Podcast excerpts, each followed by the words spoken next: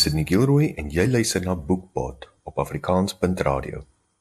Hierdie spesifieke program is nie geskik vir luisteraars wat jonger as 18 jaar oud is nie. Aan die einde van elke program bied ek ook om verskoning aan aan enige iemand wie ek dalk ontstig of ontstel het gedurende die program. Luister gerus tot dan. In hierdie eerste reeks gesprekke op Boekpot gesels ons met die vrye vrou van Afrikaanse erotiek. Ons kuier by 'n Wes-Kaapse digter wat Engels vir Afrikaans verruil het En later kom loer 'n Diane van die romanse genre in om ons skryfwerkrigting te gee. En 'n celeb chef kom gee tips oor hoe om restaurantgeregte met minimale bestanddele in jou eie kombuis te herskep. Tussendeur sal Leonie van Rensburg van Graffiti Boeke ons vertel van titels wat goed verkoop en skrywers wie nuwe boeke op die horison het.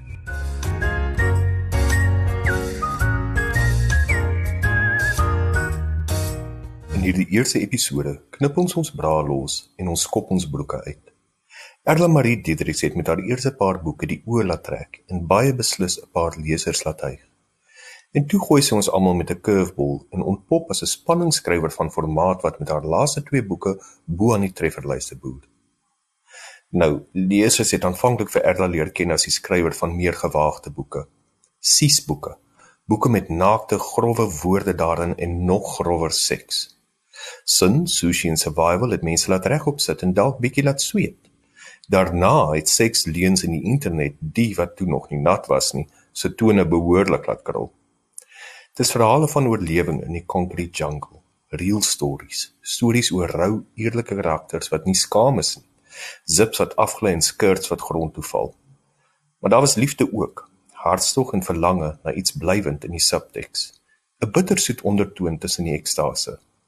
In Die Bewonderaar en Salemstraat laat sy ons so egter skrik oor die afgryslike angs wat in die suburbs skuil. Daardie boeke het ons laat rol. Dit het ons bang gemaak. Erla is 'n talentvolle skrywer wat in twee genres triomfeer. Ek het gewonder of sy die een nou vir die ander verruil het. Toe die rillers begin goed doen het ek gedink om die romanses te los. Maar want ek ek het hulle so saam saam begin. Ek het les eers begin en toe vra hulle my om 'n stoomromans aan te skryf. Nou leerders ken jou as 'n skrywer wat nie daarvan af wegskram om 'n toneel wat dalk naaktheid en seks daarin het oop te skryf nie. Is dit vir jou moeilik om oor seks te skryf? Is jy nie bang dat lesers jou dalk as krie of bar sal tipifiseer nie? Ehm um, wel ek is baie bewus wie my merk is en en dat dit vroue is. Ek het al baie van ontmoet en en en die boeke is hulle hele lewe. Jy weet dit is ontvlugting. So wat ek altyd sê, ek doen gee klasse ook in in ehm um, erotica en al daai van dinge en ek sê altyd Afrikaans is baie kritaal. So jy jy kan nie ons het ons het vyf woorde vir seks en nie een van hulle is baie romanties of oulik nie, nê? En hmm. ehm um, so wat ek altyd doen is ek sal altyd my my karakter in 'n in 'n situasie plaas en maar sy is in 'n stort, nê? Nee? En dan sal ek vir myself sê, okay, wat is alles in 'n stort? Daar's see, dis nat, dit gly, dis warm, dis stoom en dan sal ek daai beelde gebruik om seks mee te simboliseer. Ek sal nie so ek sal ek sal die stoom gebruik, haar handafdrukke teen die glas, die Ehm um, jy weet die die glydige seep oor haar lyf. So ek sal ek sal dit inbring want ek skryf vir vrou, vrou essensieel. Lesers moet seker aanneem dat jy self 'n baie opwindende en bevrydende sekslewe het om te kan skryf oor dinge wat soos byvoorbeeld in Dominiek gebeur. Natuurlik is dit nie waar nie.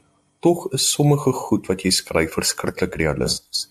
Die seksklub in die boek byvoorbeeld was vir my nogal skokkend omdat ek nog nooit van sulke plekke gehoor het of self daar was nie, maar ek myself kon verbeel dat dit is hoe dit daar moet lyk en gaan. Hoe skep jy 'n spanningsvolle verhaal waarin seks 'n sterk element van die plot is? En hoe gaan jy om met jou navorsing vir daai realistiese effek?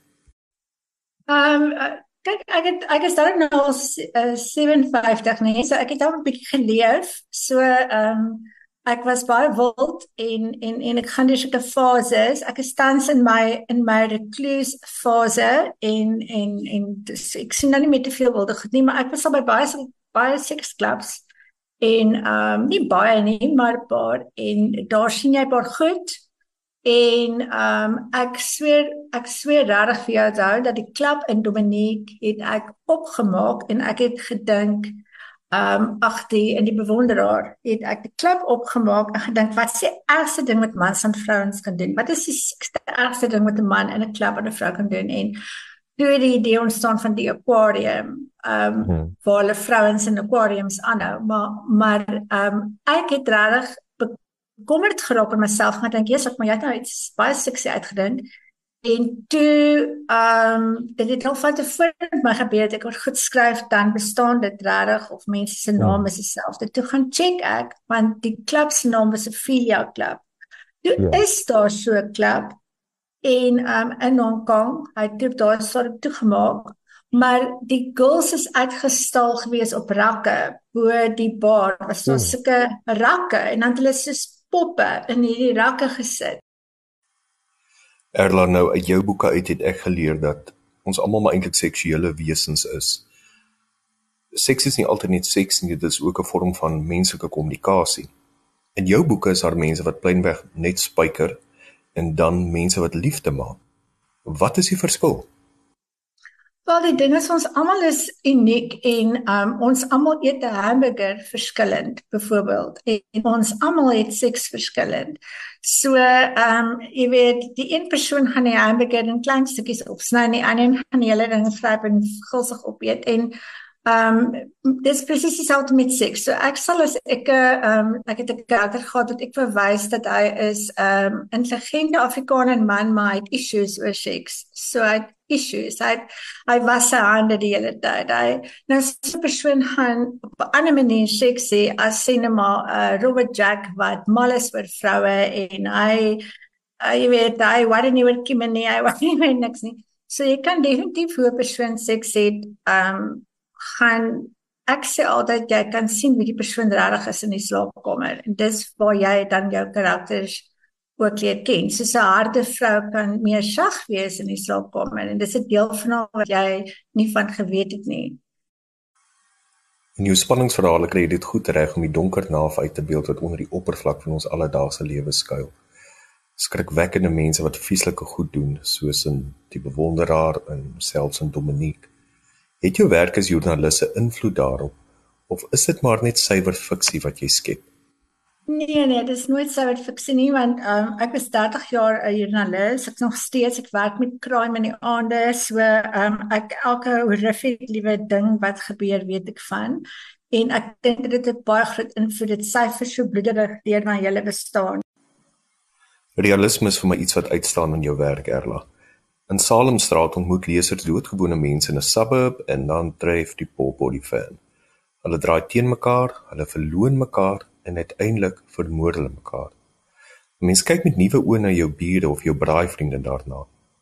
Het jy die karakters in Salemstraat vanuit 'n werklike woonbuurt gaan haal? Is dit mense wat jy ken? Waar kom jy aan hierdie karakters? Ehm um, nee, my karakters kom meld gewoonlik aan in die middel van die nag in my kop en dan hoor ek hulle stemme en ek sien hulle dis is 'n dis is 'n movie of 'n video wat ek sien, jy weet. Ehm um, maar ek bly in so 'n suburb. Ek bly in in ehm um, 'n inkie weg van Salemstraat. En ek het uh die, ek het vir almal altyd vertel van my bure en goed. Nie alles nie almal in die boek nie. Baie daar's nuwe karakters in. Uh maar dit was met lockdown toe trek daar 'n um, 'n jong ou in, hy was so 30 en hy het dadelik met my begin um flirt en toe sê vir my maar hy is 'n maagd want dit is sy oh, wow. dit is sy Christelike waardes of iets maar ek het later agtergekom I'm getting somewhere with the story. Ek het later ja. agtergekom dat sy persepsie van maagdelikheid is 'n bietjie wyd. Hoe breek COVID los en ek en my beautician sit en praat oor die heining. Dit kan mens nie met mekaar praat nie. Oor hierdie pes en sy dabble in witchcraft en goed en alles. En sy sê vir my jy weet ons het ons met iemand offer. Dis wat ons eintlik moet doen en en ons het 'n maagd nodig en ek sê vir ek het 'n maagd. En ek wil net praat. En dis net baie fun and games en funny en oh, maar dit dink ek wat dis gou mense te mekaar sal draai. Dit is so gou. Ek meen dit was 'n grappie miskien, maar wat as dinge hand uitgeruk het met met COVID? En hier ja. sit ons met 'n hande gemaak in ons ehm um, clothes. Ja. En dit het my laat dink dat dat die mense wanneer is baie dun en as dit kom oor lewing dan gaan hulle sal hulle te mekaar draai en ek wou toe hê dat dat die vrou met die man vermoor en dan sien wat gaan hierdie karakters daarmee doen. Met die lees van 'n thriller voel 'n mens nader aan dat jy niemand in die boek kan of moet vertrou nie. En tog het ek in die bewonderaar en in Salemstraat my gunsteling karakter gehad. Ek wou in hulle goedheid glo. Ek wou so graag gehad het dat hulle moes verander. Ek wou gehad het hulle moes insien hoekom hulle doen wat hulle doen. Hoe kry jy dit reg dat jou leser steeds empatie het met 'n karakter wat dalk bietjie onguur is? Wel, ek want dat ek begin met hulle skryf het, het, het my uitgewers vir my gesê dat dis baie belangrik dat dat jy leser moet kan identifiseer met die die persoon wat uiteindelik jou held gaan wees, alhoewel hulle weet nog nie altyd wie dit is en jy nog nie maar hulle moet hulle they must love her. Um, hulle moet hulle moet regtig kan voel saam met haar Um jy kry dit ook reg in jou boeke is, is dat die dat selfs die die die slegte ou hmm. moet die mens kan verstaan waarom is sy sê jy jy jy met van die beste boeke wat ek al gelees het is waar die bad guy you actually start liking him and then jy weet dan op die ou begin die krakies te wys Erla ek en jy weet skryf is 5% talent en 95% werk. Wat doen jy om jou skryftalent te slyp? Mens kan nie die hele tyd dieselfde skryf nie, jy moet heeltyd beter. So ja. ek voel baie van my mastersklasse en goeters by wat jy wat jy aanlyn kan koop. Jy weet soos hmm. Margaret Atwood en Stephen King en daai mense. Wanneer skryf jy en hoe hou jy tred met al jou karakters en al jou verskillende storie idees? Ja, ek ehm, ek sal gewoonlik in die in die in die aand voor ek gaan slaap, sal ek ek ek slaap baie voor ek gaan slaap sal ek dink aan die vorige volgende hoofstuk en dit is my lekker, dis asof iemand vir my 'n slaapplek storie vertel. So ek lê lekker in my bed en dan dink ek, "O, oh, wag, nou gaan hy dit doen en dit doen dat en dan ek sommer excited vir die volgende dag en as ek wakker word is die storie nog vars in my kop want ek sal getraind om so te dink. Ek verloor nie my idees nie. Dit gaan nou dalk as 'n verrassing kom vir van ons luisteraars, maar Erla het 'n graad in letterkunde. Erla, gebruik jy daardie graad vandag as jy skryf en wat is jou mening rondom resensies aangesien jy literêre kritiek geswat het? Ek gebruik my literêre graad meer as ek resensies skryf. Maar dan wil ek ook dit baie duidelik stel dat ek stem nie saam met Mellet Mol en daai mense wat sê dat jy moet 'n graad hê of 'n meestersgraad hê om resensies te kan skryf nie. Dis nonsens. Ek sien jou boeke gereeld onder die topverkopers Erla en dit is nogal 'n pleintjie vir jou. Jy sien net dat jy letterlik wydsbeen oor verskeie genres staan. Dit beteken mense wil jou boeke lees. Nie alle skrywers deel in daai sukses nie. Deel die geheim met ons toe. Wat wil Afrikaanse lesers lees? Hulle wil goeie stories lees. Ehm um, ek dink ek dink ehm um, die meeste ek weet nie, ek beweeg dalk in ander kringe maar oh, hulle wil nie eintlik letterkunde lees nie. Hulle wil stories lees, lekker stories, goeie stories, stories wat hulle wegvoer na ander plekke toe. En as en dit moet maar dit moet goed geskryf wees en ehm um, hulle is ook vars oorspronklik ehm um, goed.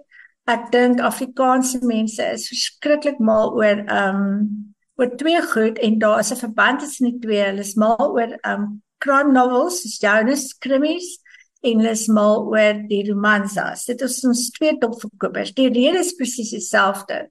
Ons soek 'n happy ending. Krimis Die ou word gevang. Dis 'n gelukkige einde. Is sodat hier in Suid-Afrika sake word nie opgelos nie. Dit is nagmerrie. En in my boeke en in die romansas daar's 'n happy ending. Mense wil 'n happy ending hê. Hulle wil voel in hulle wêreld. Ek weet wat in hierdie boek gaan gebeur. Ek weet in hierdie boek gaan ek verskriklik bang wees en hysteries wees en angstig wees, maar daar gaan 'n happy ending wees.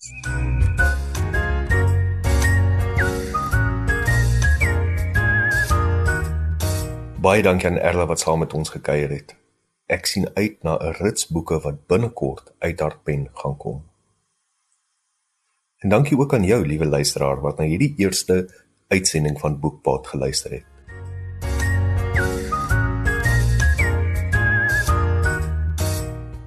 Leonie van Rensburg van Graffiti Boeke het haar vinger op die pols van boekverkope en sy deel graag met ons oor die uitskieters van die afgelope tyd.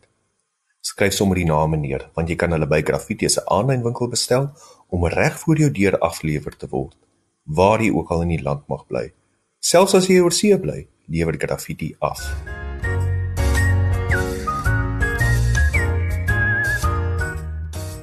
Wat die fiksie aanbetref, in die 10de plek was Gebeente van Etienne van Heerden, nommer 9 Dwelm van Rudy van Rensburg, in die 8ste plek Skoenlapper deur Irma Venter, nommer 7 Geheime op Philadelphia deur Rian Grobler, Kwaaiwater van Irna van Sail in die 6ste plek en Nathaniel se boek Help Help in die 5de plek. Hans kry troukoers deur nog 'n boek van Rudy van Rensburg is in die 4de plek Simbamba van Madeleine Rust nommer 3.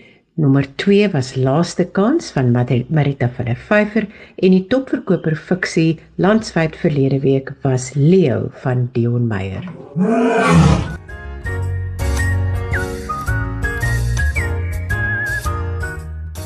In die volgende episode van Boekpad gesels ek met Lyle Arendse 'n kletsrymer vanaf Nantes in die Suid-Kaap wat homself in 'n ontluikende Afrikaanse digter omskep het.